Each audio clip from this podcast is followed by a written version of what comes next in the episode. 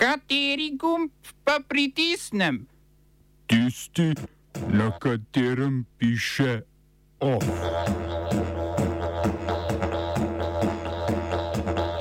Italija mora britanskemu naftnemu podjetju Rockchopper plačati 250 milijonov evrov zaradi prepovedi črpanja nafte na morju. Predsednik Federacije Bosne in Hercegovine Marinko Čavara po treh letih imenoval ustavne sodnike. SDS in NSI sta na ustavno sodišče zaradi zakona o škodljivih posledicah prejšnje oblasti. Predsednik državnega sveta Alois Kovšca v iskanje podpore za predsedniško kandidaturo.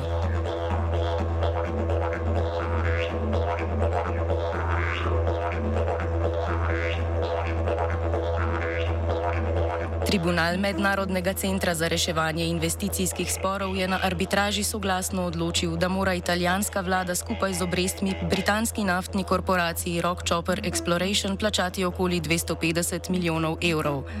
Vsota je namenjena kompenzaciji škode, ki naj bi jo Rockchopper utrpel zaradi prepovedi črpanja nafte znotraj območja 22 km od obale, ki jo je leta 2015 uvedla Italija.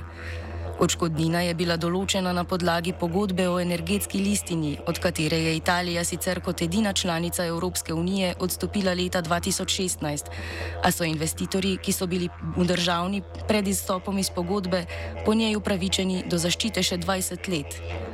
Dodeljena odškodnina za prepoved črpanja nafte na naftnem polju Ombrina Mare je skoraj devetkrat višja od investicije podjetja. Gre za naftno nahajališče v Jadranskem morju blizu mesta Peskara. Polje leži dobrih 7 km od obale. Tribunal je presodil, da Italija po sprejemu zakona kršila pogodbo o energetski listini, saj družbi Rockchopper ni izdala koncesije za izkoriščanje naftnega polja.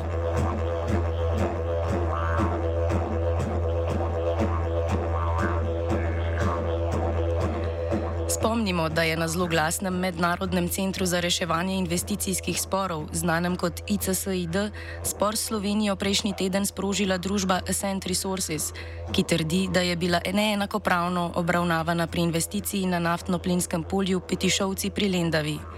Od Slovenije zahteva pol milijarde evrov odškodnine.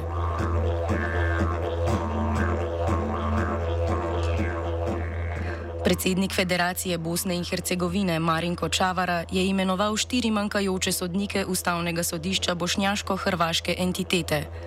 To je bila ena od zahtev visokega predstavnika mednarodne skupnosti v Bosni in Hercegovini Kristjana Šmita. Sodnike morajo sicer potrditi še podpredsedniki in zgornji dom parlamenta, dom narodov. Visoki sodniški in toživski svet je seznam kandidatov za sodnika pripravil že leta 2019, a je Čavara zavrnil njihovo imenovanje. Zavrnitev je utemeljeval z umankanjem vladajoče večine, ki bi potrdila sodnike. Ustavno sodišče je tako zadnja tri leta delovalo v nepopolni sestavi s petimi sodniki. Zaradi neimenovanja sodnikov so Združene države Amerike proti Čavari uvedle sankcije, ki so vključevale prepoved vstopa v državo in zamrznitev premoženja. Združene države Amerike po 25 letih v Sudan spet pošiljajo svojega veleposlanika. John Godfrey, ki je zasedel to pozicijo, naj bi krepil odnose med ZDA in Sudanom ter podpiral skupna prizadevanja za svobodo, mir, pravičnost in demokratično tranzicijo. ZDA so veleposlaništvo v Kartumu zaprle leta 1996, ko so Sudan uvrstile na seznam držav, ki sponzorirajo terorizem. Z tega seznama ga je pred dvema letoma umaknila administracija nekdanjega ameriškega predsednika Donalda Trumpa. Že leto prej pa je takratni zunanji minister Mike Pompeo napovedal vrnitev veleposlanika v Sudan.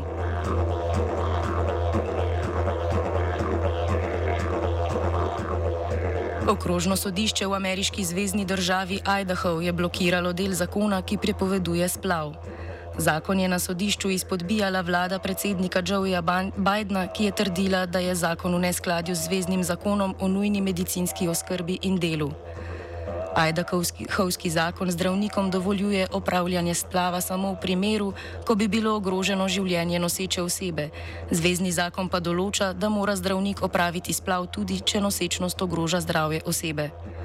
Sodišče je pritrdilo argumentom generalnega toživca in odločilo, da, mora zvez, da se mora Idaho podrediti zvezdni zakonodaji. Tožilec je sicer želel, da sodišče razveljavi celotno zakonodajo. Idaho je bila ena izmed prvih zvezdnih držav, ki je po razveljavitvi sodbe Roe proti Wade uvedla restriktivno zakonodajo na področju reprodukcijskih pravic. Smo se osamosvojili, nismo se pa osvobodili. Naslednje število je še 500 projektov. Izpiljene modele, kako so se strani nekdanje LDS rotirali. Ko to dvoje zmešamo v pravilno zmes, dobimo zgodbo o uspehu. Takemu političnemu razvoju se reče udar. Jaz to vem, da je nezakonito, ampak kaj nam pa ostane? Brutalni obračun s politično korupcijo.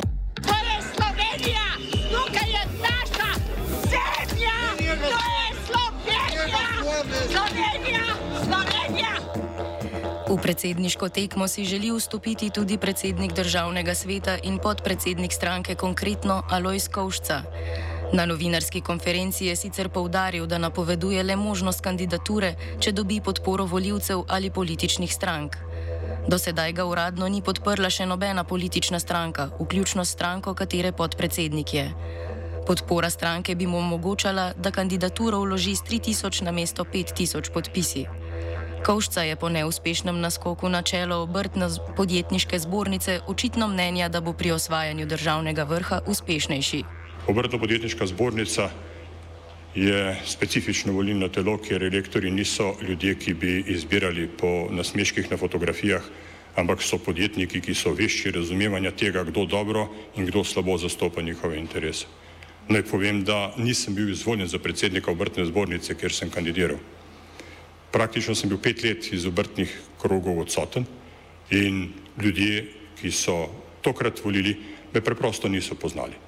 Politike ne zasledujejo v tolikšni meri, da bi videli, kaj počnem za njih v državnem svetu in jih to tudi ne, ne preveč zanima.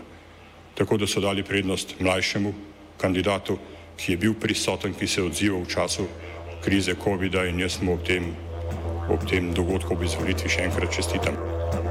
Na tiskovni konferenci je Kovšca ponovno izpostavil izjemno vlogo državnega sveta. Sem še vedno predsednik državnega sveta in ta inštitucija mi je zelo pri srcu, zaradi tega, ker je v svojem dosedanjem delu pokazala, da le potrebujemo nek zavorni mehanizem, ki euforijo politične oblasti lahko ustavi, vsaj za korak in jo vrne v ponovni razmislek. In marsikaj, kar, je, kar bi šlo brez državnega sveta, kar mirno v zakonodajo in izvrševanje, je bilo deležno ponovnega premisleka. Če ne drugega, so ljudje vsaj slišali več plati iste zgodbe in si ustvarili svoj pogled na ta vprašanja. Državni svet je infant terrible slovenske politike. Brez kakšnih posebnih pooblastil je glas vesti. Vsaki vladi je opozicija in oglaša se takrat, kadar misli, da je potrebno. Poslanci iz vrst Slovenske demokratske stranke in Nove Slovenije so na ustavno sodišče vložili pobudo za oceno ustavnosti omnibus zakona za zmanjšanje neenakosti in škodljivih posegov politike ter zagotavljanje spoštovanja pravne države, ki so ga pripravili v, inči, v inštitutu 8. marec. Sodišču predlagajo tudi, da že pred presojo ustavnosti zadrži izvajanje zakona. Prepričani so, da je v neskladju z več členi ustave, saj da z zakonom ne zagotavlja pravne varnosti in neenakosti pred zakonom. Neustavnost utemeljujejo tudi s posegom v pravice do zakonodajnega referenduma in hkratnim noveliranjem več nepovezanih zakonov. Koordinacija novinarskih sindikatov Radio Televizije Slovenija in sindikat novinarjev Televizije Slovenija sta generalnega direktorja RTV Slovenija pozvala naj začne postopek razrešitve direktorja televizije Uroša Urbanije. Poziv utemeljujejo z neformalnim ravnanjem direktorja v obliki protipravnega zastraševanja in grožen z disciplinskimi postopki voditelju dnevnika Saši Krancu in urednici Vesni Pfeiffer. Zatrjujejo tudi, da jo je neupravičeno diskreditiral z možnostjo premestitve na drugo delovno mesto. Pobudniki razrešitve so prepričani, da so za razrešitev izpolnjeni pogoji po 54. členu statuta RTV Slovenija. V sindikatih menijo, da novinarja nista ničesar storila na robe in da gre pri ravnanju urbanije za nadaljevanje pritiskov na novinarsko in uredniško avtonomijo. Komunalno podjetje Velenje je sporočilo, da bo odjemalcem s 1. oktobrom prekinilo dobavo zemljskega plina. Takšno odločitev so sprejeli po večkratnem neuspešnem iskanju ponudnika zemljskega plina. Dodatno odločitev utemeljujejo z analizo poslovanja družbe in napovedanimi trendi nadaljnega razvoja energetske krize po svetu.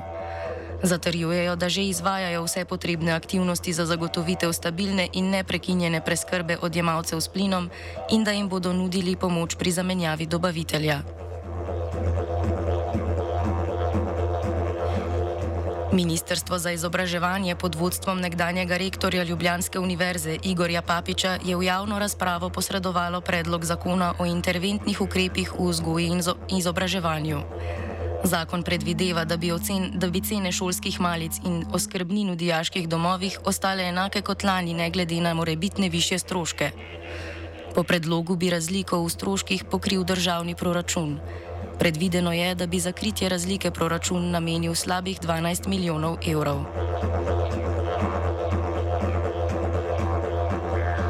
OF je pripravil Blaž.